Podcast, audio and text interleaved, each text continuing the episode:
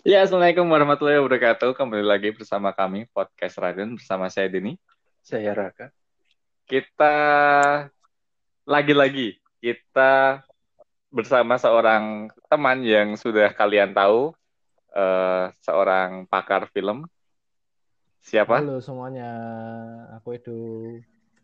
Buat yang udah ya. kenal, ya. halo. Tidak asing. Tidak asing lagi ya di podcast kita di podcast Raden ini menghadirkan seorang pakar film. Edo ini sudah bersama kami beberapa episode ya, ya Edo ya? Beberapa episode oh, yang lalu. Lah. Kita kita mungkin di penghujung ini kan 2000 ini kita rencana mau merekomendasikan film 2019. Kalau kalian sudah mengikuti yang kemarin-kemarin kan itu di, dari tahun-tahun 16, 17, 18 sekarang kita akan ke tahun 2019. Nah, ini itu gimana ya? Tahun 19 itu baru kemarin nih. Dan nanti kemungkinan kita akan buat lagi yang tahun 2020. Tapi kalau tahun 2020 kan banyak yang masih belum ini ya, belum update ya. Hmm. Apalagi gara-gara ini juga kan, gara-gara virus ini kita mungkin hanya berapa bulan ya? Satu bulan malah bahkan kurang ya. Kita masih bisa berkeliaran di bioskop juga kan. Itu Januari akhir itu sudah mulai pandemi ini. Iya gak sih? Atau Februari ya? Ya pokoknya itulah.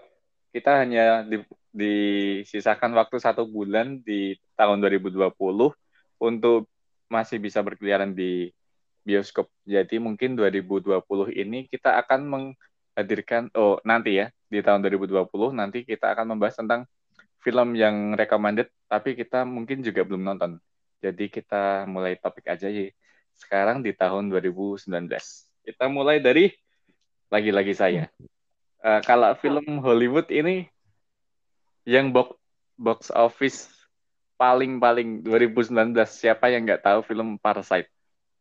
Semua pasti tahu, semua pasti sudah nonton dan ya lagi-lagi itu aku rekomendasikan karena bukan karena ratingnya bagus uh, itu nilai kesekian lah, tapi di satu sisi yang aku demen itu dari alur ceritanya. Alur cerita yang kita mengira uh, dari judul dan kita kita sudah bisa menebak di eh, menit-menit uh, awal waktu uh, aku lupa namanya anaknya itu waktu dia menduduki uh, dia bisa masuk ke keluarga yang kaya raya itu dan mulai mengatur rencana bla bla bla untuk bisa mengangkat semua keluarganya masuk ke kediamannya. Dan itu kita sudah bisa menerka-nerka dari judul filmnya. Tapi itu yang membuat aku uh, beranggapan dia bukan orang jahat. Kita juga tidak bisa menilai yang kaya itu yang jahat juga kan. Kita di situ kita melihat yang kaya emang uh, seperti tidak tidak apa ya tidak menganggap serius bawahannya gitu kan kayak ya ya udah kalau kamu bawahan kamu bawahannya ada tapi kalau yang keluarga ini tuh uh, aku rasa ini bukan orang jahat ini orang yang bertahan hidup. Dia bertahan hidup untuk uh, mendapatkan uang mendapatkan uh, uang yang banyak ya. Kalau dia be bisa bekerja di rumah orang kaya kan pasti bayarannya juga gede. Apalagi itu kan semua keluarganya juga masuk ke situ kan. Dan itu saya rasa uh, ya dari ya dari, dari judulnya sih Parasite sih. Tapi bukan Parasite yang negatif tapi ini menurutku kalau kita di posisi keluarga yang katakanlah yang tidak mampu itu mungkin kita akan mencari se, uh, seribu cara agar bisa membahagiakan diri sendiri kan. Bisa menutupi kebutuhan keluarga bisa membeli ini itu. Itu menurutku uh, ya apa ya hukum alam lah. Ya yang lemah mencari cara untuk bisa bertahan hidup. Ya gitu sih. Itu kalau yang di film uh, Hollywood ya. Kalau film Indonesianya ini film Joko Anwar lagi-lagi. Aku suka banget film Joko Anwar di tahun 2019 ini yang berjudul Wanita Tanah Jahanam. Pasti banyak dari dari kalian yang juga nonton apa, juga kan Wanita Tanah Jahanam wanita ini. apa perempuan Oh, perempuan, perempuan. Oh, sorry, sorry. ya, ya kan perempuan sama wanita sama-sama cewek. Iya kan.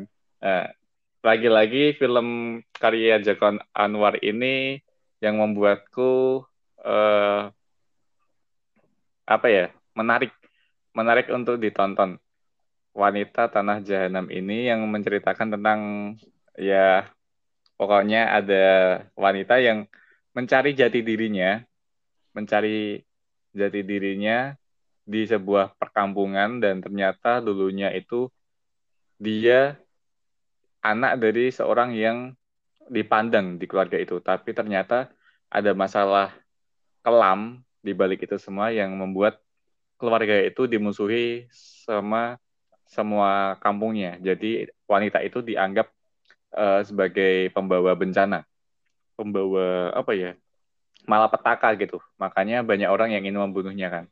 Itu yang membuatku relate sih ceritanya yang membuat kita seakan-akan kalau kita di posisi wanita itu kita tak tahu apa-apa, tapi kita diburu untuk dibunuh dan aneh aja kalau kita hanya mengulik tentang masa lalu kita, kita ingin mencari tahu tentang jati diri kita, tapi malah kita belum dikasih tahu tapi malah kita mau dibunuh. Jadi itu yang membuat uh, ini sih bagus aja di alur ceritanya. Itu kalau menurutku.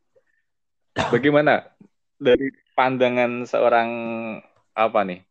Uh, apa? uh, ini kacamata seorang yang dibeli apa ya? Kita kalau kita menyebut ini sebagai apa? Kameratografi apa si sinematografi ya? Atau pakar ya? Iya kita sebut aja. Kalau dari orang yang di bidang di balik layar apalagi dua dua film yang aku rekomendasikan tadi kan itu bukan yang film-film uh, ini kan memberikan efek-efek yang dramatis kayak CGI atau ya kalau yang di wanita tanah jahanam kan ada tapi tidak terlalu banyak karena alur ceritanya pun kita seperti relate aja kan. Hmm. Kalau itu menurutku sedikit editan sih menurutku. Kalau yang di Parasite juga kan mungkin Parasite malah nggak ada editan CGI-nya ya malahan ya. Atau mungkin ada tapi kalau ada pun aku malah nggak nggak tahu tata letaknya CGI-nya. Hmm. Soalnya itu kan kayak di perkampungan biasa rumahan iya. biasa. Jadi itu iya, kayak kalau kalau anda nggak tahu itu berarti CGI-nya saking bagusnya. Jadi anda nggak nyadar. Enggak kan karena gitu loh. Kalau CGI-nya kayak ya nggak mas itu ya? kayak kayak superhero. Eh, katakanlah kayak superhero kan kita bisa tahu ya. Eh, dia berayun pun itu kan itu terlihat. Tapi kalau yang di Parasite ini kan itu jalan cerita kayak dokumen kan. Kayak ya kameranya ngikutin aja. Kameranya ngikutin uh, pemeran-pemerannya kan kayak ya udah kata letaknya emang kayak gak ada CGI, gak ada green screen, gak ada editan-editan kayak gitu sih menurutku. Ya, ya, ya, ya, ya, Kalau menurut anda gimana, Mas Edo? Uh, gini sih, apa namanya? Kalau kamu menyimpulkan bahwa film Parasite itu nggak ada CGI-nya atau apa pun, berarti ya itu emang film yang worth it buat jadi pemenang Oscar sih. Wah, tapi emang menang Oscar kan iya. kayaknya. Berarti yes. worth it kan? Uh, oh, bukan. Paling berarti. Gini, uh, kamu ketika nonton film itu berarti kamu mengikuti ceritanya. Berarti visual visual yeah. yang iya. ditampilkan itu untuk uh, membantu si pembuat film untuk menyampaikan apa yang ingin diceritakan kan. Hmm. Dan kamu emang fokus sama ceritanya, bukan fokus sama visualnya kalau kamu ngelihat behind the scene-nya, behind the scene di hmm. YouTube atau di mana pun lah, itu rata-rata ada CGI-nya, ada green screen-nya, bahkan di adegan yang di desa, di rumah, di rumah yang mewah itu, bahkan di uh, bawah tanah pun juga itu ada unsur green screen-nya. Tapi emang didesain sedemikian rupa supaya uh, apa ya terlihat natural gitu sih kita tidak ke distract ya hmm, nggak ke distract bukan ke yeah. bukan nggak ke distract sih cuman kamu teralihkan karena emang green screen di situ diposisikan cuman untuk mendukung ceritanya jadi kan kamu di situ fokus oh. sama karakter yang sedang bermain di situ iya yeah. iya yeah. gitu sih kalau menurutku terus kalau ngomongin masalah film Parasite sampai sekarang pun itu masih diperdebatkan maksudnya uh, dia bisa menjadi bahan kajian karena emang di setiap filmnya atau di setiap di setiap shotnya, di setiap penceritaannya itu punya makna tersendiri. Bahkan di setiap uh, apa ya tokoh-tokoh karakter ditempatkan atau blocking karakternya itu itu punya maksud dan makna tersendiri dan sampai sekarang pun masih banyak diperbincangkan itu. Dan kayak Iya, aku juga sempat denger itu. Uh, uh, jadi kayak kalau dari aku sih orang yang suka sama film, menurutku itu kayak nggak ada habisnya buat ditonton terus menerus dan pasti menarik. Apalagi dibuat sama orang Korea. Dari, dari posternya aja kayaknya menarik ya kan banyak banyak versi poster ya kayaknya ya. hmm. ya. Kalau lihat kan dia ada yang komersil yang di depan rumah itu itu yang biasa hmm. yang matanya ditutup-tutup itu kan. Ya. Kemudian untuk yang versi Oscar kalau nggak salah ada yang lebih bagus grafiknya itu uh, dia naik kapal terus ada bayangan di airnya itu. Hmm. Yang naik kapal siapa ini? Keluarga. Keluarganya itu semua semua pemerannya di di atas kapal cuman di airnya itu ada bayangan dan bayangannya itu berbeda dengan peran yang terlihat di ah. situ. Nah, kalau dari ada poster itu. Jadi Aku bahkan belum tahu itu. Jadi bahkan dari posternya pun mengandung banyak arti itu loh saking saking wow ya. Hmm. Oh. Jadi mungkin ini worth it ya kalau kita debatin film ini. Nah, kayak aku juga dengar uh, aku sempat baca sih ada yang ternyata dia uh, beranggapan kalau film ini tuh tidak sesepele yang kita bayangin kan kita kalau bayangin kan kayak orang yang menjadi apa ya benalu ya di keluarga lain dia ingin dia ingin apa e, merebut semua hartanya keluarga lain kan kita mikirnya kayak ah. gitu kan tapi ternyata ternyata itu lebih jauh kan lebih dalam dari itu yeah. kan lebih dari, uh, yang kita kira gitu loh banyak kritikus itu banyak kritikus kritikus tuh yang ngomong kalau misalnya film itu tuh kayak uh, apa ya bisa jadi film visioner karena dia mengangkat isu yang ada di Asia dan menjadikannya isu yang seolah-olah terjadi di Korea Selatan. Bahkan banyak warga Korea Selatan yang kayak aku pernah lihat di salah satu apa kayak berita itu aku lupa beritanya apa tapi uh, ad, pernah ada demo yang demo tentang film ini yang mengatasnamakan kalau uh, apa ya lingkungan seperti itu tidak ada di Korea Selatan. Oh. Jadi mereka oh. seolah-olah ya lingkungan seperti ini nggak ada di Korea Selatan. Korea Selatan itu orangnya humble bla bla bla. Tapi si sutradara Bong Joon Ho ini mampu membuat isu yang ada di Asia ini seolah-olah menjadi isu yang ada di Korea Selatan. Isu yang bisa diterima oleh hmm. masyarakat luas. Isu apalagi kalau kita kaya, tidak gitu. tahu kan kan kalau kita tidak tahu kan kita menganggap itu mungkin itu wajar ya kalau di Korea mungkin kita menganggapnya kayak gitu tapi ternyata di Korea sendiri hal seperti itu malah tidak ada ya? Ya mungkin ada, cuman jarang diketahui orang aja mungkin. Pasti ada lah kayak gitu. Di Indonesia aja kan juga hmm. ada pasti. Orang yang mencari kesempatan dalam kesempitan gitu. Hmm. Ya gitu sih. Betul. Cukup seru kalau kalau, kalau film Parasite dan harus bawa banyak-banyak materi dulu sih. Oh, bener. Kayaknya kalau di tahun-tahun sekarang pun di eh, 2020 kalau kita masih nonton itu pun berulang kali juga masih worth it ya. Masih worth it. Kita masih bisa uh, menerka-nerka apa yang sebenarnya maksud dari sutradara ini berikan hmm. kan. Kita masih mencari-cari jawaban atas semua pertanyaan kita yang ternyata uh, yang kita pikir endingnya itu sudah happy ending ternyata uh, itu sebuah apa ya kayak halusinasi kan sebuah bayangan dari sang anak untuk melepaskan sang ayah kan ternyata mm-hmm. ya itu gitu deh banyak banyak arti mm-hmm. itu kalau Parasite masih mungkin kalau itu jadi series kedua mungkin itu tapi Parasite kan kayaknya bukan film Hollywood ya bukan itu film Korea karena dia oh. menggunakan makanya dia dalam uh, dalam nominasi Bahasa. Oscar pun kan foreign language kan iya. salah Karena bukan universal language ya. Bukan, ya emang karena Jadi, film yang diproduksi di Korea Selatan. Makanya dia kan mungkin emang pasarnya bukan untuk uh, internasional kan, mungkin emang Asia aja kan. Makanya. Nah, tapi itu kan men malah mendapatkan ini kan prestasi yang luar biasa karena menjadi kalau nggak salah jadi film pertama for, selain bahasa Inggris yang mendapatkan uh, penghargaan Oscar. Oscar. Gila sih. Film terkeren sih itu. Untuk saat ini ya. Iya, saat ini. Mungkin nanti Indonesia bakal nyusul ya. Iya, iya, iya. Mungkin. Tapi entah tahun kapan. Tipe-tipe film plot-plot twist yang membingungkan. Hmm. Itu plot twistnya itu yang membuat kita kayak bukan plot twist yang sangat kita membuat kaget ya. Kan biasanya kalau plot twist kan kita kaget ya. Uh kok kayak gini? Tapi itu plot twistnya tuh kayak pelan tapi kita bisa memahaminya. Kita bisa mengambil cerita oh mungkin emang ya bisa aja kayak gitu. Jadi mungkin plot twistnya ini soft sih jadi halus gitu.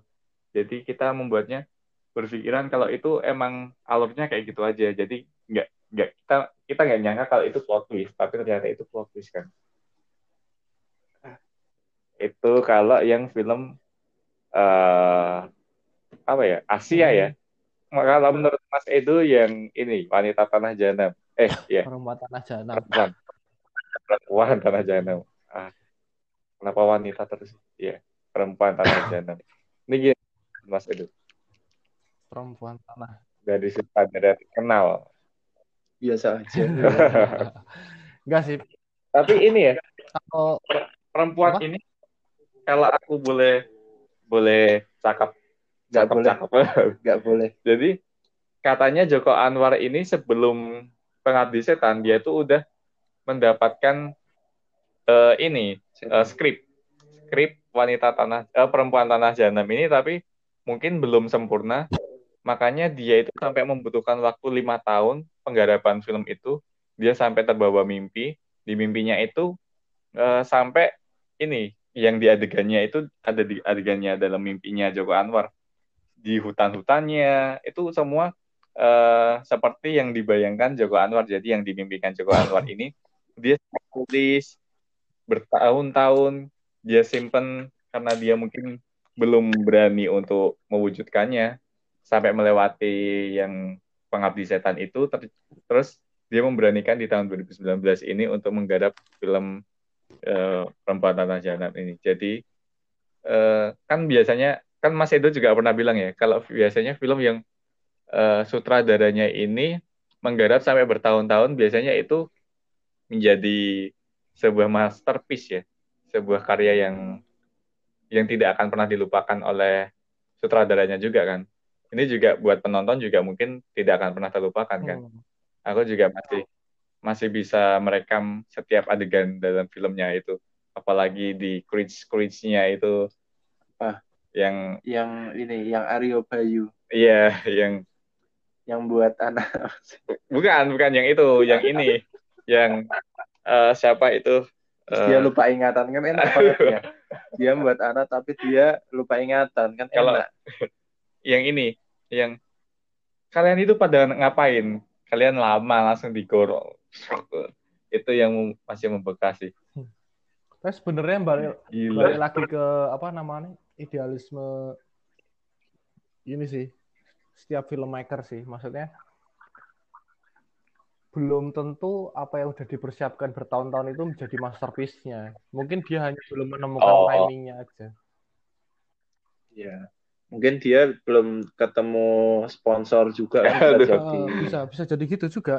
Karena emang udah banyak kejadiannya kalau kamu punya cerita atau project apa pun kalau nggak ada sponsornya nggak jalan dan kamu ngerasa daripada nanggung-nanggung mending nunggu dulu aja. Eh rata-rata gitu sih. Tapi kalau buat perempuan tanah jahanam ini kayak asik banget sih. Ketika kamu nonton kamu kalau bisa jangan jangan mengharapkan ini film horor. Karena ini bukan horor Ya, tapi yeah. thriller. Mm, thriller.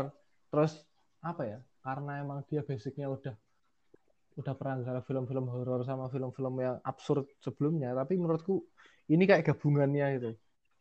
Dia coba coba mm -hmm. dia coba membangun feel horornya itu dari suara-suara terus dari dari, dari suasananya uh, juga kan? dari pergerakan kamera dari set artistiknya dari warnanya. Kalau kamu bisa uh, kali kalau Arga bisa inget itu pas adegan pertunjukan Mandi. wayang pas adegan pertunjukan wayang itu kamu kalau bisa lihat apa warna-warnanya itu kayak asik banget dan itu benar-benar menunjukkan sisi karakter si Aryo Bayunya. Ya, yang flashback uh, itu kan. Flashback. Itu kayak uh asik banget. Kuning. Asik kun... Kelabu. Kuning, merah, merah hati itu kayak asik buat dilihat. Gitu sih. Uh. Cuman kalau kalau aku pribadi uh, aku ngerasa bosan sih sama filmnya Joko Anwar karena yang main itu itu aja. Mungkin karena iya, mungkin karena lagi. apa ya directnya enak jadi kayak ya pakainya itu aja. Tapi tapi kalau menurutku lebih baik cobain lah pemain-pemain baru yang lain supaya bisa memberi feel yang lebih beda lagi. Tapi tapi ini tetap jadi yeah. film yang bagus sih. Secara film yeah, maupun secara teknis. Hmm ini yang un unexpected kan itu si ibunya itu kan ternyata dia kan nggak pernah main film entah horor, thriller atau apa pun itu kan. Uh, siapa ya? Aku Sarah Sarah siapa? Siapa sih? Sarah Sehat. Yang ini loh, yang jadi ibunya si Aryo yang nenek-neneknya. Ibunya Aryo. Christine Hakim. Ah, Christine nah, Hakim. Kan sering film. Iya, tapi kan nggak pernah main film horor atau thriller kan. Makanya waktu Joko Anwar itu menawarkan film ini ke Ibu Christine Hakim kan, Ibu Christine Hakim kan dia sampai uh, bilang kamu gila ya. Saya nggak pernah main film kayak gini, kamu gila. Sampai sampai si Joko Anwar kan sampai memohon-mohon sampai dia membuat uh, Ibu Christine Hakim tuh tidak punya pilihan lain hmm. Dan jadinya diperankanlah oleh Ibu Christine Hakim. Karena Joko Anwar percaya kalau Ibu Christine Hakim yang menerankan itu pas karakternya sama si ibu nenek-nenek di film itu kan. Ternyata emang pas kan. Emang kita juga lihat porsinya kan emang pas. Emang pas banget kalau apalagi kalau kamu lihat sampai ending itu endingnya yeah, endingnya. Iya, yeah, endingnya. Big applause untuk makeup wardrobe-nya. Iya, aku sampai tercengang waktu lihat endingnya. Kok gini? Tercengang. Apa? Tercengang aku. Tercengang. Aduh aduh jangan dibalik. Uh, nanti ter uh, jangan diteruskan. Jadi waktu endingnya itu aku sampai melongo lihat endingnya ternyata kok kayak gini. Dan aku membuat bertanya-tanya berarti kayak kalau endingnya kayak gini hmm. Ini masih berlanjut teror di desa itu. Iya. Betul gak sih? Iya. Ya iya kan? itu itu ya, namain open ending. Jadi kayak biar penonton sendiri yang ngejawab. Oh bener. Mungkin yang kita harapkan nanti ada perempuan tanah jahanam kedua atau nenek tanah jahanam. Karena mungkin yang merankan bukan Toro Toro Basro lagi ya. Tara Basro. Mungkin Basro kok Toro Basro sih Tara Basro lagi tapi malah Ibu Christine Hakim yang jadi main karakternya kalau ngomongin uh, Ibu Christine Hakim yang katanya tadi oke okay banget memerankan si tokoh antagonisnya ya. Berarti bisa disimpulkan bahwa sebenarnya itu kalau orang yang terlihatnya itu dia baik, sebenarnya itu punya jiwa sinis ya yeah. dalam hatinya itu yang ingin diluapkan gitu ya mungkin ya. Jiwa antagonis. Nah, ter tergantung juga, jiwa, tergantung jiwa. dari pengalaman apa yang dia punya. Pengalaman apa yang dia punya. Oh iya berarti malah semakin orang itu pendiam gitu baik itu sebenarnya dia tuh psikopat mungkin ya. ya mungkin kalau di rumah bunuh cica bunuh kecoa gitu ya dimutilasi apa sih dia bedah jadi jangan meremehkan orang yang ini pendiam dia hati-hati ya. Kayaknya dia baik-baik saja. Tiba-tiba anda dimutilasi tiba-tiba kepala di kepala di kaki kaki di kepala. Peter Pan itu. Ya ya kita lanjut. Nanti bapak sponsor marah. Sponsornya siapa ya? Uh, ini. Apa? Kantaspor oh, oke oke. Hmm. biar ini uh, karena kita udah mendekati sahur ya. Tak dilanjut aja pok uh, mungkin kita bisa menyelingi menyelingi uh, kita menyelingi apa sih? Uh, uh, menyelingi. uh, apa sih? Uh, uh, selingan kita selingan.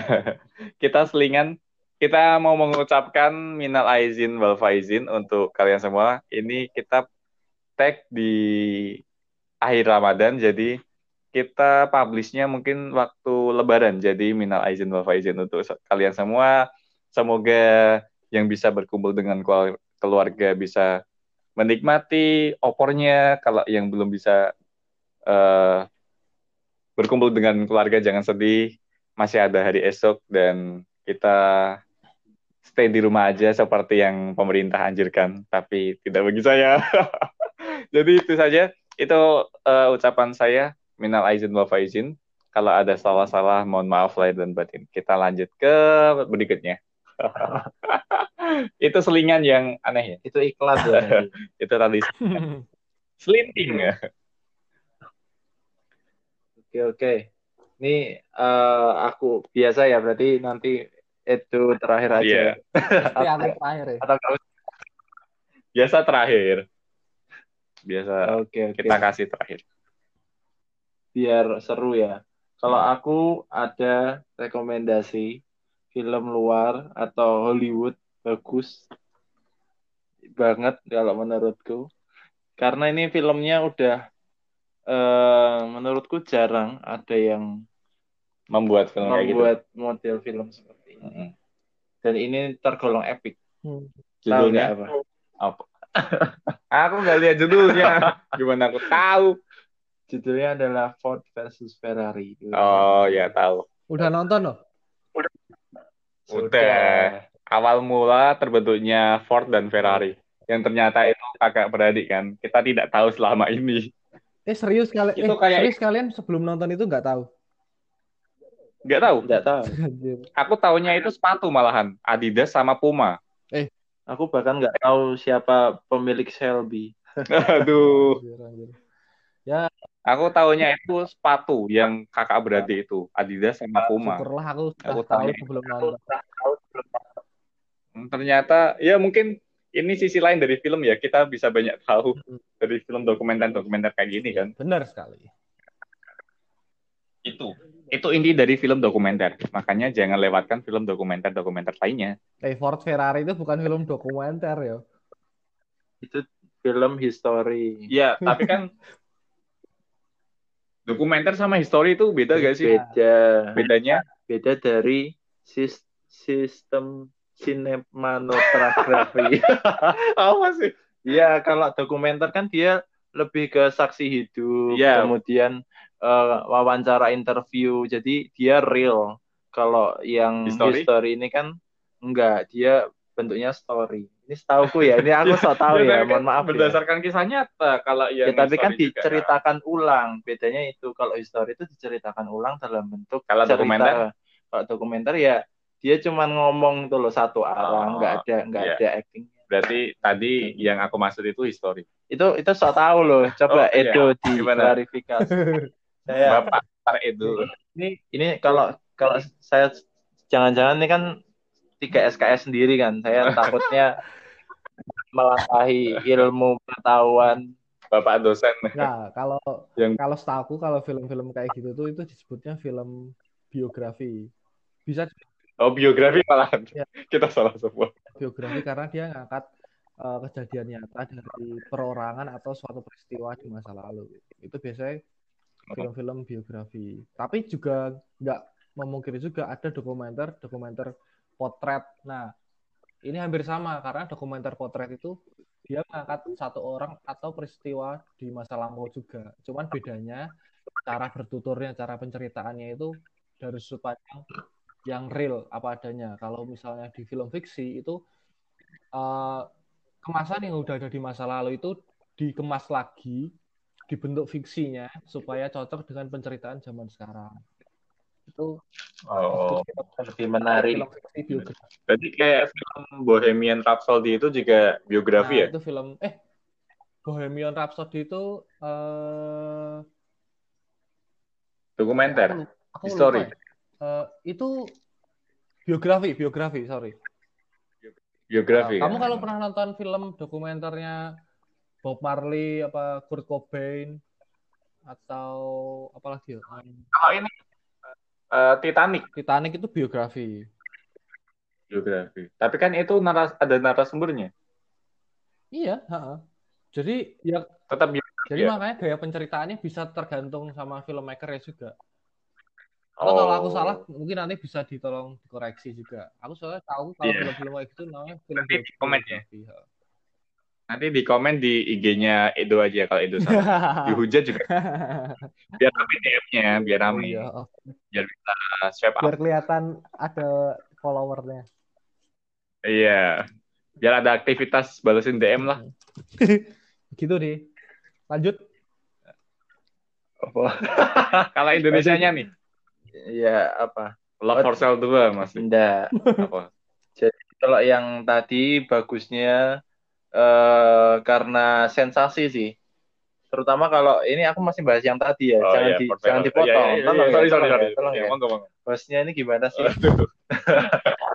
Kita matang waktu soalnya. Nanti Bapak sponsor nanti matang. Padahal juga nggak ada. Uh, ya singkat aja sih kalau yang soal tadi, yang masalah Ford Ferrari tadi kan tiba-tiba bahas ke jenis film tadi ya, jadi belum uh, sempat mengulik sedikit tentang ya, filmnya kalau dari aku itu lebih ke sensasinya. Ini lebih ke uh, suara ya kalau aku ya. Iya, yeah, suara mobil kan. Nggak, nggak tahu kenapa di sini blending suaranya wis kayak anak sound system nih ngomongnya blending blending. Kayak anak jus ya blending. blending suaranya tuh kayak bagus banget bisa membantu uh, memunculkan suasana yang seperti apa adanya kita di atas mobil uh-uh. seperti apa adanya kita tabrakan. Tapi yang membuatku menarik di film Ford Ferrari ini karena aku suka dengerin suara mesin-mesin bertenaga kuda besar kan, kayak yang suara-suara mobil Ferrari, Ford, Aston Martin itu kan kalau suaranya kan garang gitu ya. Hmm, kayak, traktor. Ya, ya, bukan. Anda suka traktor? beda. Kalau traktor itu beda. Suaranya traktor beda. tenaganya besar juga. Tapi kan bukan tapi kan tujuannya bukan buat balapan kan. Tapi kalau mobil balap itu suaranya tuh seksi gitu loh. Enak gitu loh di, di telinga itu enak. Kayak mau apa Formula F1 juga gitu kan. Enak juga. Aku suka juga. Kayak uh, real apa uh, mobil Harvey, Harvey. Bukan. Harvey. Rally, rally juga kan suaranya Tamiya, juga enak. Tamiya. Rally, balapan rally, tahu gak? Tamiya. Bukan. Tamiya kan? Tamiya itu kan Tamiya balapan loh ya. ya tapi kan by Dinamo. suaranya nguing nguing gitu. Anjir kenapa ngomongin Tamiya sih ini? kan ada ada unsur-unsur mobilnya. Tamiya kan juga mobil. Ya, ya. Kita tadi marahin sama ini loh. Sama... Bapak sponsor. Anjir lah. Dimarahin sama pakar loh ini. Kamu jangan bahas Tamiya oh, makanya. Iya, iya. Maaf, maaf. Uh, keras gitu. Kita kita kembali ke top topik ini. Yeah. Kita harus topik, Ferrari. Topik. Karena tadi suaranya, uh, uh. aku ya, suka, ini. aku suka film itu karena ya, ini. suara yang ingin, enak sih. Uh, yang uh, yang membuat ini sangat uh, spesial untukku itu dia berhasil menonjolkan uh, sense indera perasa lain yang yang nggak biasa kita rasakan gitu dari film-film yang lain. Yang lain biasanya itu standar visual atau mungkin malah dari ceritanya. Ini dari ceritanya bagus, visualnya bagus ditambah dengan Pendengaran. suaranya yang menggelegar, yang sesuai dengan bisa menunjang uh, visualisasi kondisi yang ingin ditampilkan. Nah, ini menarik banget sih. Visualisasi kondisi, visualisasi, sensasi, ya. Sensasi terasi. Apa sih? Kembali kembali tolong ya nanti kita kena kita akan distrik lagi ya. Pakar lagi. Ya. Kamu nanti mengulang tiga SKS loh kamu nanti ya. Mohon maaf. Nanti dapat nilai C nanti. Gak lulus lulus nanti. Iya iya iya iya. udah aku membahas segitu aja Oh, nanti iya. takutnya spoiler saya saya saya mencoba untuk tidak spoiler Hmm. biar teman-teman yang pendengar nanti mau nonton kalau Ya saya pokoknya kalau mau tahu cerita di balik layar mobil Ferrari dan Ford itu bisa nonton langsung atau kalau Hmm. pecinta mobil itu yang suka ngebut-ngebutan Nah, atau yang katanya suaranya seksi tadi kalau mungkin mau merakit mobil bisa nonton loh di film itu. Walaupun Hmm, kayaknya nggak bisa. Ya itu fil- film bagus untuk pecinta otomotif. Oke, lanjut ya. Kita lanjut kebanyakan sponsor. Untuk film Indonesianya, ini aku rekomendasi film yang agak yang agak nggak terkenal, cuman dibuat oleh direktur yang terkenal. Apa itu? Ini filmnya judulnya adalah Bebas.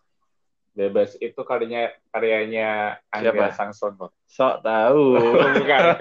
Atau Hanung Bramastio. sok tahu siapa, Siapa, ya? siapa? Ini yang buat adalah kakak Riri Riza. Oh, Riri Riza. Kakak anjir. Kakak Tante. Kayak kakak Riri, kakak Riri Riza ya. Ya ini Ya, ya, bagus. kakak nggak apa-apa. Ya, eh, bagus nih filmnya.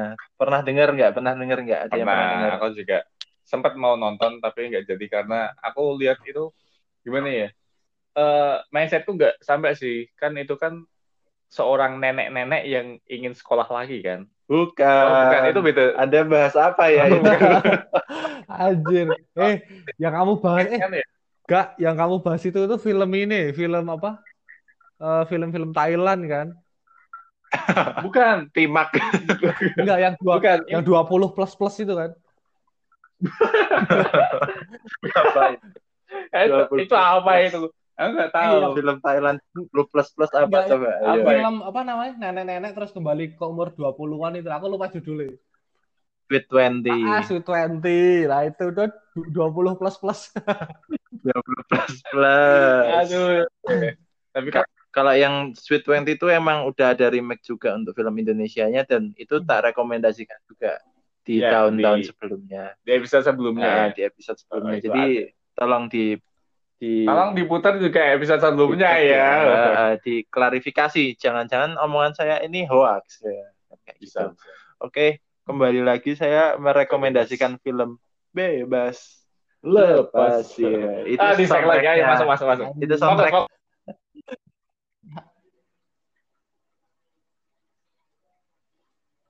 Kita bahasnya tentang film. ya, ter- terputus loh. Terputus. Gara-gara Anda terputus ya, ini, Bang. hostnya ini. Eh, mungkin tangan Anda tadi Jail. Kita masuk lagi.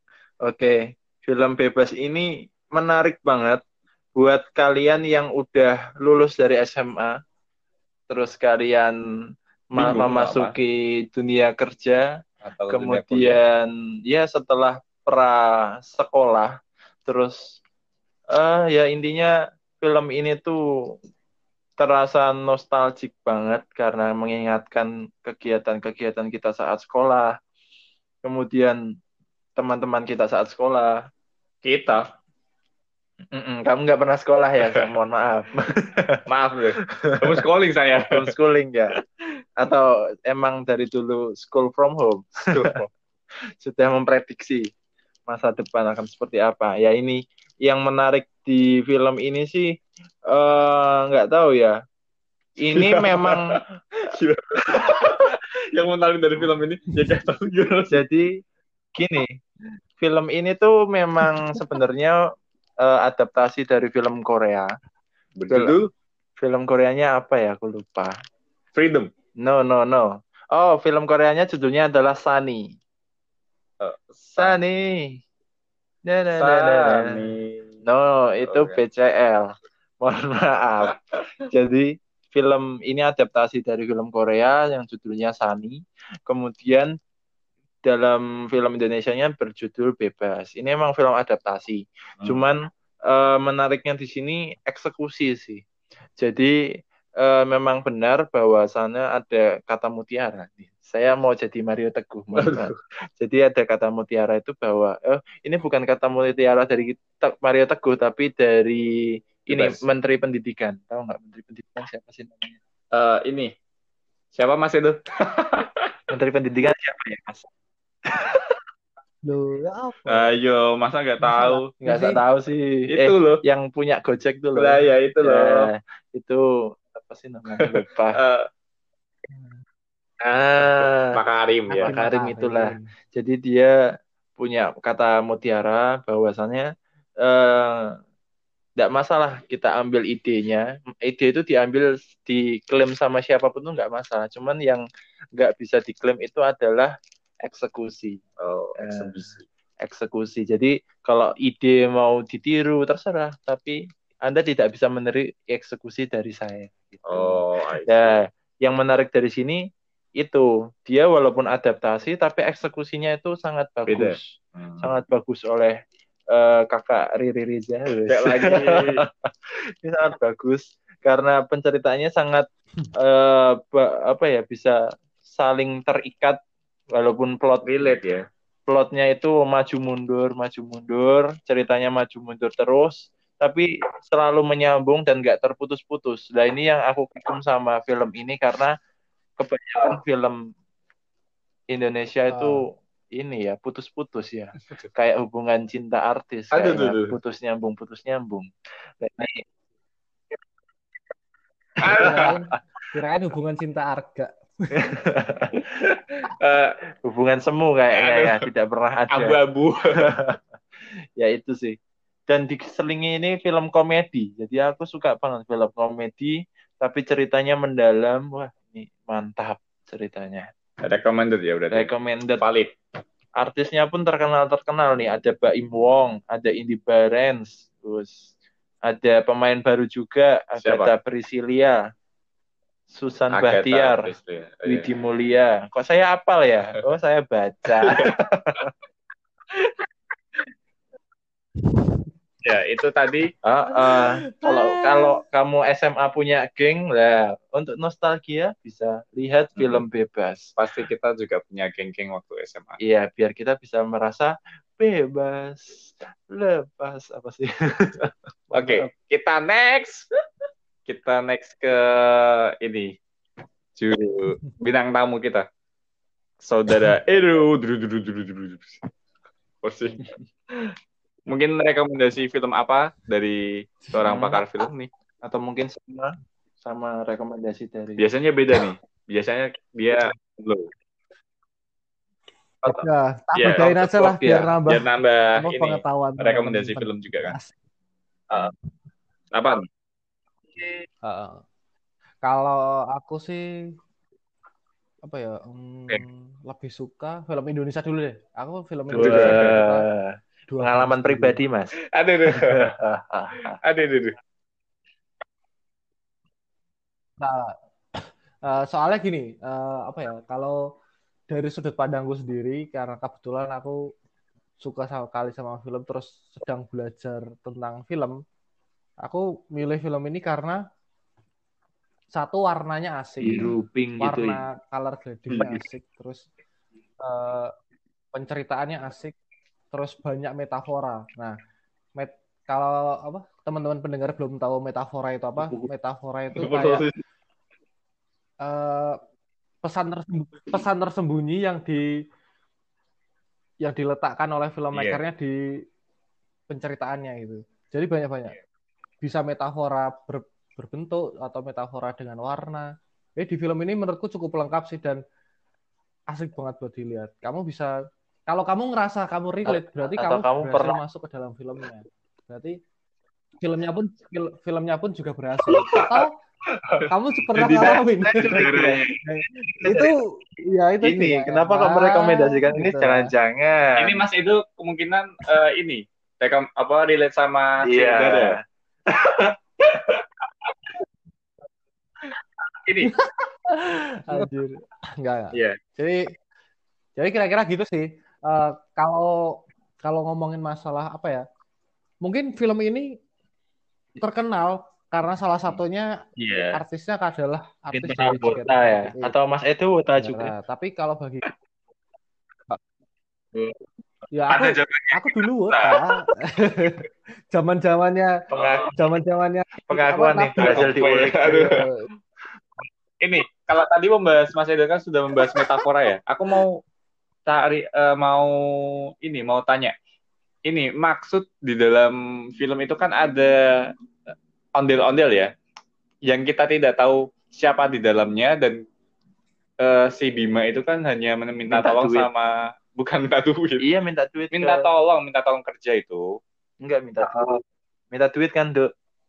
Uh,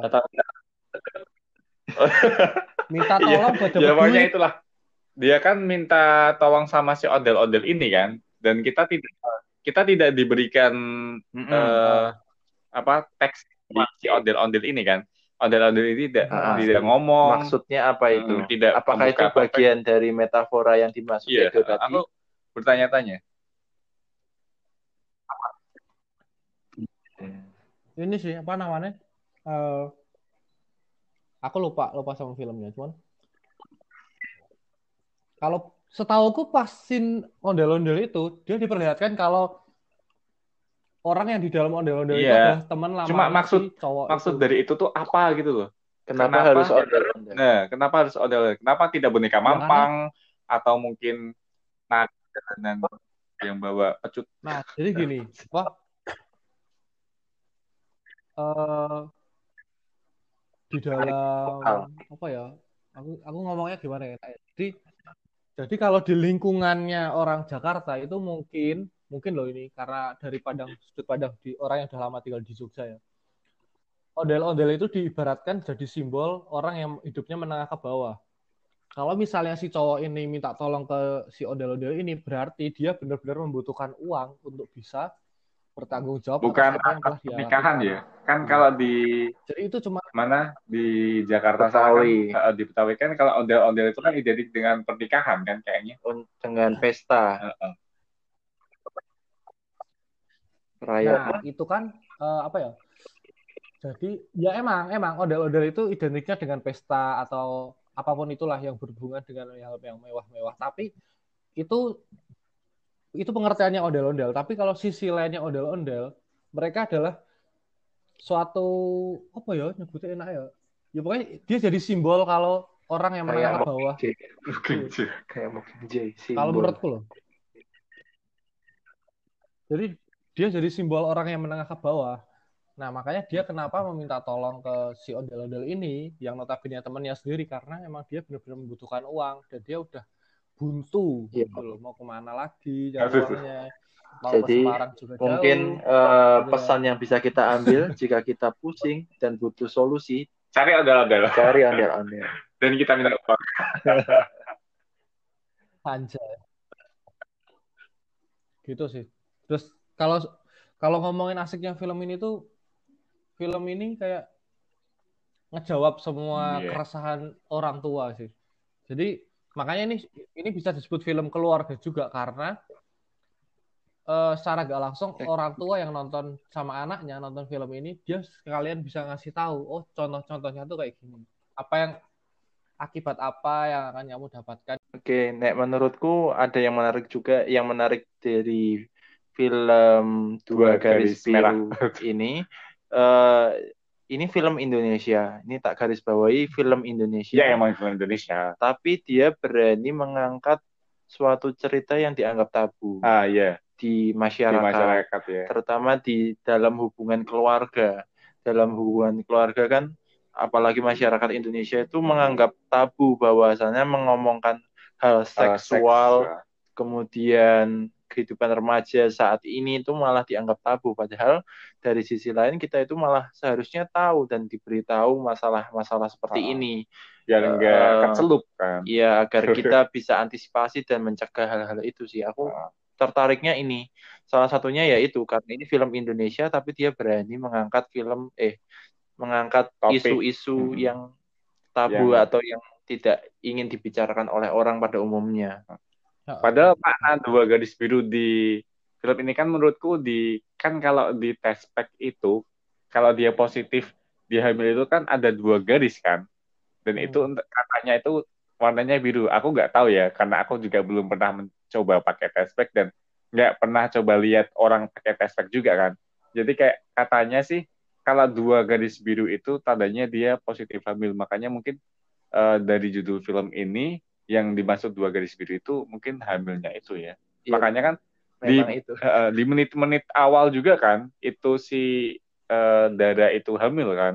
Jadi kita bisa uh, tahu di menit-menit awal itu kalau si Dara hamil dan alurnya itu emang itu tentang seorang wanita yang belum siap untuk menerima seorang anak dan laki-lakinya belum siap untuk menjadi seorang bapak juga kan dan dari keluarganya pun kan menentang itu kan. Ada yang menentang ada yang ya itu kan anak anaknya anakku jadi itu cucuku. Jadi ya nggak apa-apa lah. Itu biarkannya biarkan mereka aja yang membesarkan biar mereka tahu tanggung jawab kan. Ada yang orang tua seperti itu ada yang pro dan kontra juga kan. Makanya itu yang ditonjolkan ah. ini sih menurutku. Ah ya, ya. nah kalau uh, si itu dua garis biru ya kalau menurutku sih ini apa namanya hmm, buat penutupan aja maksudnya film ini secara gak langsung itu memberi pelajaran buat kita semua untuk belajar menjadi orang lain juga maksudnya kita kalau setelah nonton film ini atau saat nonton film ini pun kita disuguhkan dengan berbagai sudut pandang. Kadang kita ada di hmm. sudut pandang orang tua, kadang kita ada di sudut pandang si pelaku atau si apa uh, dua orang ini cewek dan cowok ini atau kita juga bisa menjadi sudut pandang tetangganya orang ketiga, orang ketiga. jadi orang ketiga juga jadi ondel-ondel jadi, jadi kita harus belajar cara menyikapi kalau ada kejadian seperti itu di lingkungan kita. Kalaupun kejadian seperti itu ada di keluarga kita, kita harus pintar-pintar menyikapinya dengan bijak, jangan berdasarkan emosi. Jadi kayak gitu sih menurutku. Yeah. Itu kalau menurut dua garis biru. Iya. Yeah. Tadi uh, dari tadi kan kita membahas tentang film keluarga ya. Di tahun 2019 ini juga ada film Indonesia yang bagus loh. NKCTHI. Itu kan ah. kan di 2019 juga kan. Jangan, jangan, jangan, jangan, jangan itu dulu. Apa? Kenapa, kenapa? Uh, ya, kayaknya itu uh, wajib dikulik nih sepertinya. Kita juga pernah not, kita aku yakin 99% warga Indonesia itu nonton. Enggak ah. Enggak. 99% warga Indonesia nonton berarti harusnya penontonnya berapa juta? Uh, ya mungkin logikanya dipakai dong mas. ya kan yang ada bioskop yang di dekat ya, ada bioskop. Berarti kalau nggak ada bioskop dia bukan warga negara Indonesia ya, gitu ya. Iya kan? Maaf. Tolong ya, saya Anda mohon maaf. Oh, maaf. Ini. Uh, bukan ya ya maksudnya. Soalnya kalau film apa? Film nanti kita cerita tentang hari ini tuh kalau menurutku itu antara film idealis sama film uh, film komersil sih. Karena emang tujuannya untuk cari uang. Tapi di sisi lain juga ada sisi idealis dari seniman-seniman di belakangnya. Jadi oh, berarti jadi, ada kayak gitu. ada kon, ada apa? Uh, konspirasi di balik film NKCTHI ternyata. Ya enggak enggak konspirasi juga enggak maksudnya. Ada beberapa film yang disebut itu film karya ada yang yang beberapa disebut juga itu film komersil. Film karya itu pure karena ada seniman di belakangnya atau pembuat film yang dia ingin ingin membuat film itu. Kalau oh, kayak misalnya film eh, sebut aja film Gundala karena hmm. emang belum ada film superhero di Indonesia makanya si Joko Anwar pengen membuat film seperti itu. Nah beda lagi sama film ini. Film ini tuh film nanti kita cerita tentang hari ini tuh hampir sama kayak film-film garapannya Hanung Bramantyo. Karena berdasarkan komersil nilai komersil. Karena apa? Dia mengang apa namanya? Uh, membuat film berdasarkan novel dari karya si, siapa ya namanya? Aku lupa karya itulah pokoknya yeah. novel itu berdasarkan novel itu yeah. nah makanya juga makanya Siap. itu bisa disebut film komersil walaupun juga nggak dipungkiri kalau film-filmnya bagus banget dan punya banyak oh, makna juga cuman aku dan itu ter... apa Nggak apa-apa, apa. Lanjut dulu, lanjut dulu. Nah, ya itu makanya kenapa aku lebih milih dua garis biru karena menurutku bisa ditonton oleh semua orang, semua semua umur dan bisa jadi bahan pembelajaran juga. Gitu. Hmm. Jadi yang beda gitu ya. Hmm. Tapi kayaknya di novelnya dari NKCTH ini kan juga bestseller kan? makanya dia beranikan diri untuk uh, membuat filmnya juga kan, hmm. maju ke layar lebar kan. Hmm. Sebenarnya kalau soalnya ini mungkin relate dari ini ya uh, anak muda zaman sekarang ya, makanya pasarnya. Pasarnya kan emang mungkin nyarinya anak muda anak muda zaman sekarang yang uh, ideologi ideologinya kayak gitu kan, hmm. yang mungkin apalagi ini kan uh, filmnya Adito Pramono pertama kali. Uh, film pertamanya Adito Pramono. Makanya kan banyak banyak mak aku lihatnya sih emang ngincer uh, pasar wanita sih pasar-pasar remaja wanita yang menggandrumi ini si Adito Pramono karena kan fans fansnya juga banyak kan Adito Pramono ini makanya dia uh, itu uh, mencari pasarnya di remaja-remaja. Gitu. jadi menarik sih kalau ngomongin film ini karena aku apa namanya suka banget ngobrolin film ini karena beberapa hal itu relate denganku dan kalau kamu ngomongin yeah, masalah relate. dan kalau kamu ngomongin masalah kenapa film ini ada atau film ini tercipta dan kenapa film ini jadi terkenal itu kalau menurutku sebenarnya bukan masalah pemeran yang ada di dalamnya tapi karena isu yang sedang diangkat oleh si pembuat film dan si penulis bukunya sendiri.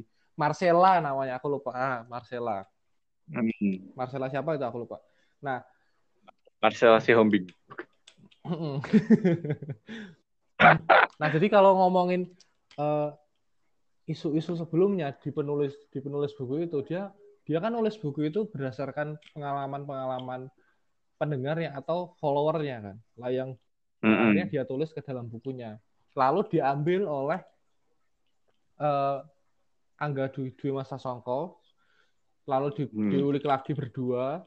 Akhirnya mereka berkolaborasi akhirnya jadi film ini. Jadi sebenarnya sasaran utamanya itu bukan masalah cewek atau cowok tapi generasi yang merasa bingung atau quarter life crisis lah jadi semuanya itu pernah merasa sebenarnya uh, uh, pernah merasa dan akan merasa ya. Akan merasa karena mereka secara gak langsung ditampilkan dengan apa ya? Uh, beberapa karakter kan. Tahapan gitu. hidup. Beberapa karakter, entah itu karakternya si Ale sebagai karakter utamanya atau karakter si bapak ya atau karakter si masnya. Ale itu kan bukannya ini ya? Kale. Kale. Kale. Eh Kale kan Ardito ya, sorry sorry sorry salah. Iya, kalian kan itu. Si Awan. Ya, Awan. Kalau ya itulah pokoknya. Kalau Mas itu kira-kira uh, siapa nih karakternya dari tiga bersaudara ini? Kayaknya Awan, Awan ya atau ini? Aku Ang angkasa. angkasa. Kalau, kalau suruh milih tuh aku nggak bisa milih karena aku adalah aku. Karena karena karena itu adalah kali banget ya. Pak Boy. Pak Boy boy pak boy pak boy banget ya. yang ngajak ke kosan aduh, gitu ya. aduh. Aduh aduh, aduh, aduh. belum apa apa dari cium itu. Aduh, aduh, aduh, aduh, aduh. makanya terus kenapa film rekomendasinya dong garis biru ya? Aduh. ternyata berkaitan anjir lah. Oh, relate ya. Nah. makan mungkin waktu itu langsung banyakin makan nanas ya Makanya terus seneng gue nastar. Oke oke. Eh lanjut ke film selanjutnya ya karena menurutku film luar negeri apa rekomendasiku lumayan bagus sih buat kalian nonton. Eh, apa, apa Oh iya ini baru satu ya. Oh iya apa nih apa nih? Jadi kalau film rekomendasiku tahun 2019 itu ada film dokumenter sama satu film fiksi sebenarnya film fiksi biografi. Cuman uh, aku nggak bisa milih keduanya karena menurutku ini sesuatu yang beda tapi uh, apa ya perlu kalian tahu supaya kalian nambah ilmu gitu. Yang satu. Oh, iya. apa, apa nih apa? Nih, tiga SKS nih. Oh, tiga SKS. Enggak penasaran nih, penasaran nih apa nih apa nih? Jadi kalau film yang pertama itu adalah film dokumenter yang udah menang di Oscar.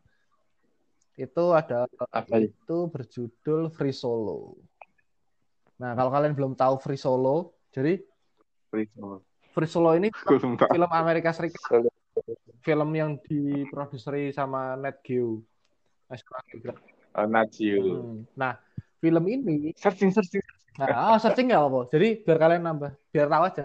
Film ini tuh nyeritain atlet free climbing yang melakukan aksinya itu pakai apa namanya free solo. Jadi free solo itu adalah kegiatan di mana kamu climbing, panjat tebing, tapi tidak tidak pakai pengaman. Uh, tidak pakai pengaman. Tidak pakai rappling. Oh, makanya free dan solo. Uh, solo karena dia sendirian dan asiknya di film ini dia dia menunjukkan kalau dia sebenarnya udah beberapa kali free solo di beberapa di beberapa gunung atau tebing yang emang terkenal tapi dia memutuskan untuk ini karir free soloku di salah satu gunung Terakhir. yang namanya El Capitan dan banyak sekali apa namanya perjuangan-perjuangan di balik itu kenapa kamu akhirnya melakukan free solo yang akhirnya yang membahayakan nyawamu sendiri itu berarti di film ini tuh uh, kisah nyata ya ibaratnya ya atau gimana? Ini maksudnya apa ini, ini berarti dokumenter, dokumenter biografi? Ini dokumenter. Oh ber berarti emang ya, ini, uh, aktornya ini main by uh, emang dia lagi manjat tebing kan berarti kan yes, atau gimana? Uh, jadi kalau di bukan, jadi bukan CGI gitu kan bukan kan berarti? Jadi kalau di dokumenter kita nyebutnya subjek. Subjeknya ini uh, Alex Honnold ini emang, emang atlet free solo dari dulu. Oh.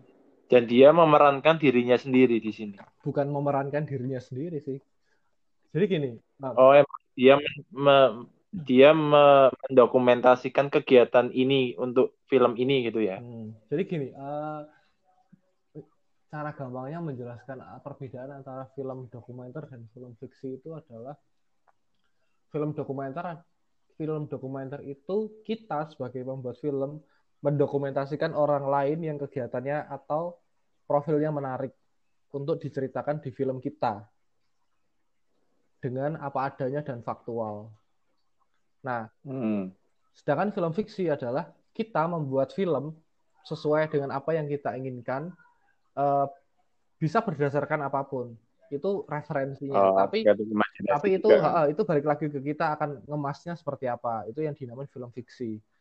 Jadi kalau ngomong film uh. dokumenter, apa yang ada di sini itu adalah real dan biasanya itu adalah data-data dari masa lalu atau bahkan bahkan bisa kayak visioner juga kayak gitu. Wah asik banget nonton ya. film ini. Kamu bisa tahu. Yang bikin menarik apa? Menarik apa? Yang, yang bikin menarik menarik apa? Kamu bisa tahu ternyata batasan-batasan manusia itu ada di sebelah mana aja sih? kamu bisa bayangin hmm. oh ternyata tangan yang aku punya atau tangan yang kita punya itu ternyata bisa manjat oh bebatuan seperti itu ternyata apa yang kita miliki sekarang itu belum 100% maksimal kita gunain gitu. Jadi kamu bisa hmm. kamu bisa mempunyai banyak pertanyaan untuk dirimu sendiri kalau kalau habis nonton film ini. Dan secara nggak langsung kamu jadi tahu, oh ternyata gunung-gunung ini itu ada di sini sini sini sini ternyata peralatannya itu ini ini ini ini. Kalau kamu mau climbing itu ternyata peralatannya banyak dan apa aja yang harus dilakuin. Oh ternyata persiapan psikologinya itu kayak gini gini gini. Latihannya itu seperti apa? Oh seperti ini ini ini ini. Jadi film dokumenter tuh seasik itu. Dia menyampaikan banyak informasi dalam satu film gitu. Asik banget.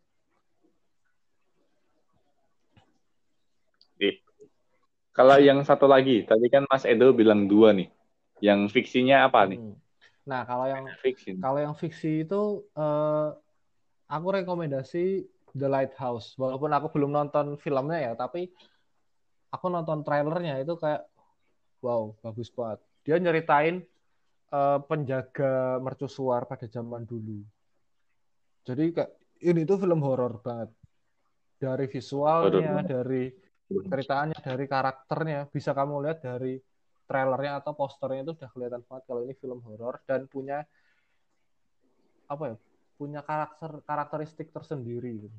karena warnanya hitam putih oh berarti emang ceritanya hitam putih ya nggak cuma di poster ya mm -mm. dan itu dan ada alasannya kenapa hitam putih karena rata-rata film yang hitam putih itu ingin menunjukkan ke suatu karakter atau ingin mengerucut ke suatu karakter tertentu itu nah ini makanya judulnya The Lighthouse karena emang pengen fokusnya itu kepada dua orang menjaga mercusuar ini. Mercusuar. Hmm. Oke, ini patut nih ditonton nih. Mungkin... Ini film ini film edukatif sepertinya. Edukatif banget sih, cuman kalau bisa nontonnya berkali-kali. Biar apa nih? Biar paham maksudnya. Uh -uh, karena film bagus itu nggak mungkin kamu bisa nangkepnya cuma satu kali doang. Atau kalau yeah, kamu nonton berkali-kali, kamu da bisa dapat pesan yang berbeda setiap kali nonton. Itu film bagus. Oh. Kita bisa memunculkan ini ya perspektif-perspektif baru ya berarti ya. Uh, uh, kalau biasanya kita nonton berkali-kali gitu kan. Iya. Nonton berkali-kali. Nonton berkali-kali. Hmm. Kayak gitu sih. Tapi kalian, aku pengen nanya sih sebenarnya, kalau kalian itu tertarik sama film dokumenter gak sih sebenarnya? Film dokumenter yang ada di bioskop? Eh, saya tertarik sih, apalagi yang biasanya kayak uh, berdasarkan kisah nyata sih. Aku tertarik banget. Emang ada dokumenter berdasarkan fisik kisah tidak nyata? ya, ya makanya. Ada, ada, ada, ada, ada. Oh ada. Ada. Jadi kamu Oh ada. Eh, aku ada film satu film yang menurutku bagus buat kalian tonton dan ini kayak jadi pengetahuan umum. Kalau kalian habis nonton apa film nih? ini, kamu bakal bertanya-tanya ternyata oh ternyata ini yang benar dan apa yang aku lakukan itu benar apa salah sih? Kamu catat ya filmnya. Judulnya ini. Oh, iya, iya. Kauspirasi. Uh, konspirasi? Kau-nya itu kau apa sapi terus spirasi. Kauspirasi. Kauspirasi coba nonton film itu deh. Aku nggak tahu itu ada di YouTube atau ada di web-web tertentu ya. Coba cari aja. Tapi itu kamu harus nonton itu lebih dari dua kali deh. Soalnya kamu kamu bakal tahu kalau misalnya COW. apa? COW.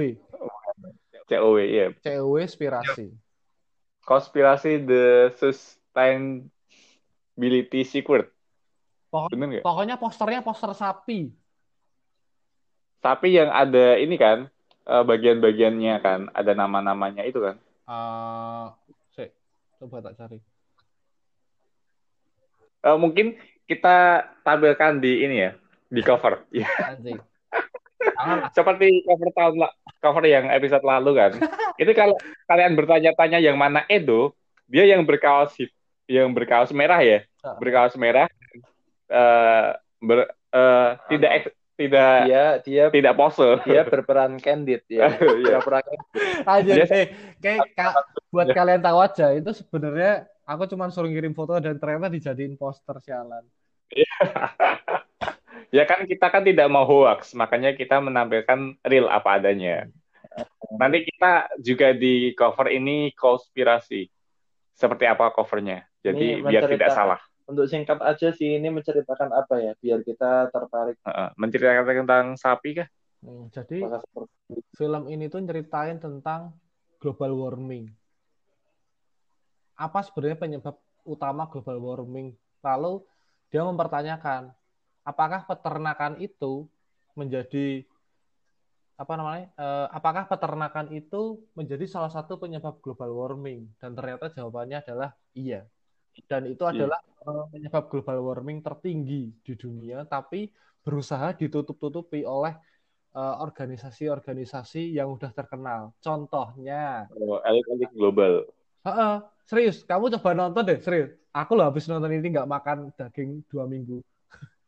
Oh, makanya makanya muncul mungkin yang melatar belakangi para vegetarian, vegetarian itu ya, uh dia enggak vegetarian, vegan, yang ingin mem memulihkan ke keadaan dunia lingkungan. Ha -ha. Jadi di film ini tuh juga udah ada hitung-hitungannya. Ketika kamu minum satu, eh, ketika kamu makan satu telur, itu sama aja kamu udah minum beribu-ribu galon air. Nggak masuk akal kan? Tapi di sini ada ada hitung-hitungannya. Uh, patut nih kayaknya dicoba nonton nih. Coba nonton. Kayaknya seru. Itu seru banget buat ditonton serius. Dan kamu bisa bisa pause play pause play pause play kalau kamu pengen oh, nonton pause. kalau kamu Boleh. pengen nonton sekarang atau gimana atau punya kesibukan lain okay. bisa disambi Keren. jadi tadi mungkin kita bakal langsung nonton nih uh, The Lighthouse sama konspirasi ini sama Free Kayaknya Solo jangan lupa ditonton Free Solo ya ya Free Solo juga iya saya saya kebetulan dari Solo jadi saya juga merasa terpanggil hmm. untuk saya kebetulan juga free menonton free show. Oh iya. Saya juga kebetulan lagi free. Gitu. Jadi kita kombinasi yang tepat ya. Iya. Saya lagi free dan teman saya dari Solo. Aku gak kepikiran sih. Anjir. Itu menariknya. Ternyata film-film yang direkomendasikan dari Bung Bung Edo. Edo ini ini ya out of the box sekali ya. Iya, kita makanya- sampai belum pernah denger nih. Tercengang nih kita nih. Terceng. Sebenarnya masih banyak sih film-film lain. Ini kan film-film komersil. Sebenarnya ada masih Cukup, banyak cukup. film-film indie. Jangan, Cuman- jangan, Oh, film Cuman- indie. Kalau film indie itu kita aksesnya di mana sih? Kita Nah. bertanya-tanya. Di Bollywood dong. Kan Nah. film indie. Nah, itu. Iya. Enggak masalah. indie. Masalahnya aku mau ngerekomendasiin film film-film indie buatan apa? kar- seniman-seniman lokal tuh tapi masih bingung ininya masalah distribusinya penayangannya. Nah, Soalnya kalau di Kalau- Semarang itu kalian cuma bisa ngelihat film-film ini itu di beberapa kafe doang atau pemutaran di Museum Ranggawarsito. Itu pun belum tentu seminggu sekali. Oh. Jadi tergantung tergantung komunitas film yang ada di sana. Kalau nggak salah komunitasnya itu namanya Sine apa ya? Sine Film apa? Gitu. Coba nanti Cinecrit. kalian cari lagi deh. Gitu.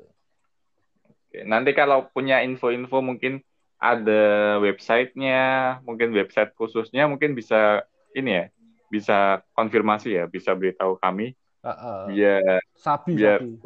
kita tentang film ini lebih banyak. Kita haus akan film. Tiga SKS kita terpenuhi dan Iya.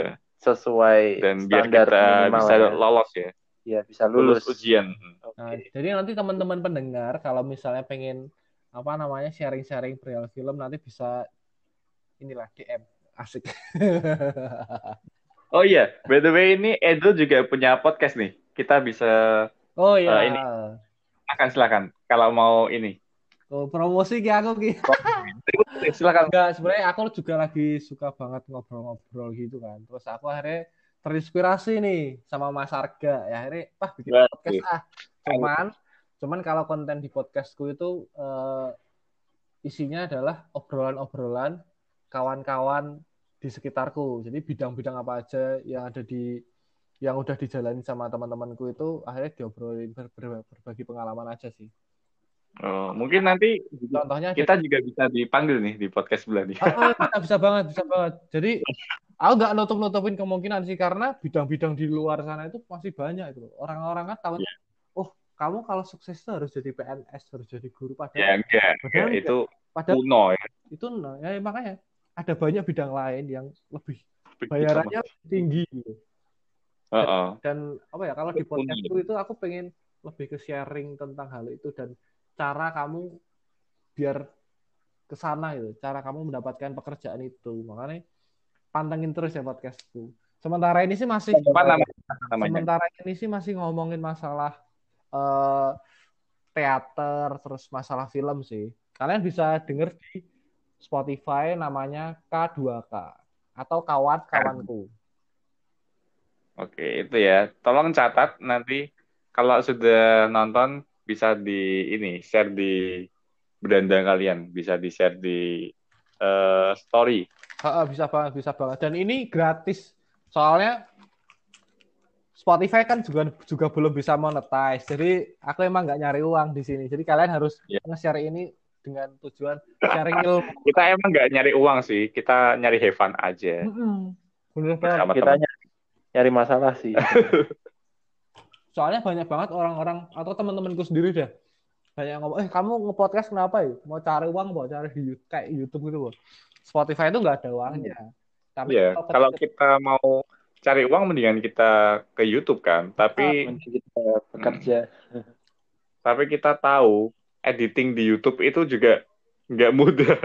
Makanya kita cari yang simple di podcast ini. Makanya kita ya ngobrol santai. Ya, aja, tuk- tukar ilmu. iya betul. Gitu sih. Makanya kalau kalau ada yang sinis mungkin Oh. eh, bikin podcast buat nyari uang sih, aku juga udah kerja. Hmm. Penghasilnya juga banyak sih. Makanya ngapain lagi kalau eh, bikin Tai- podcast. tai Iya. banget. kan kan urutannya tuh apa ya? Harta tata podcast. ya. Jadi podcast saling bawah ya. Iya. Wes wes gak usum ya harta tata YouTube. Jadi apa itu YouTube? Apa itu YouTube? Apa itu? Apa itu YouTube? Anjir. Ya, tapi aku sekarang juga lagi buka YouTube. Waduh. Apa nih Ferdinand ya? Konspirasi nih, konspirasi. Konspirasi. Konspirasi. Ini Nathan Ferdinand atau ini uh, in in Indrana atau Indri Indira Indira ya? Oh, ah, enggak ah, malas. Itu nanti kita obrolin di episode selanjutnya aja. Kalau kita mau ngomongin orang gibah orang kayak gitu. Aduh, jangan nanti kita tambah dosa. Mungkin kita gibah itu waktu setelah melewati Ramadan ya. oh iya, bener banget, bener banget. Tapi iya kan? kalau bisa sih jangan gibah sih, karena sharing ilmu itu lebih bermanfaat. Weh. Ah, bener. Kita nggak gibah. Kita uh, memberikan contoh yang jelek. Jadi kita memberikan contoh-contoh jelek aja. Jadi jangan Biar kita tiru kan, kayak Ferdian, terus Indira, jangan sampai kita tiru gitu. Kita kan gak gibah kan, kita hanya memberikan contoh yang jelek. Jadi mungkin itu saja dari kami. Ada yang mau ditambahkan mungkin? Ada yang mau ditanyakan anak-anak? Ya, kayak kalau, kalau mau ada yang ditanyakan nanti bisa DM. Ya, di DM Instagram Jadi, atau Raka atau mungkin Edo, Instagramnya apa itu? Instagramku Arvindo S pakai W. Uh, Arvindo S, S ya pakai W. Nah, W-nya di belakang. Arvindo S W. Anjay.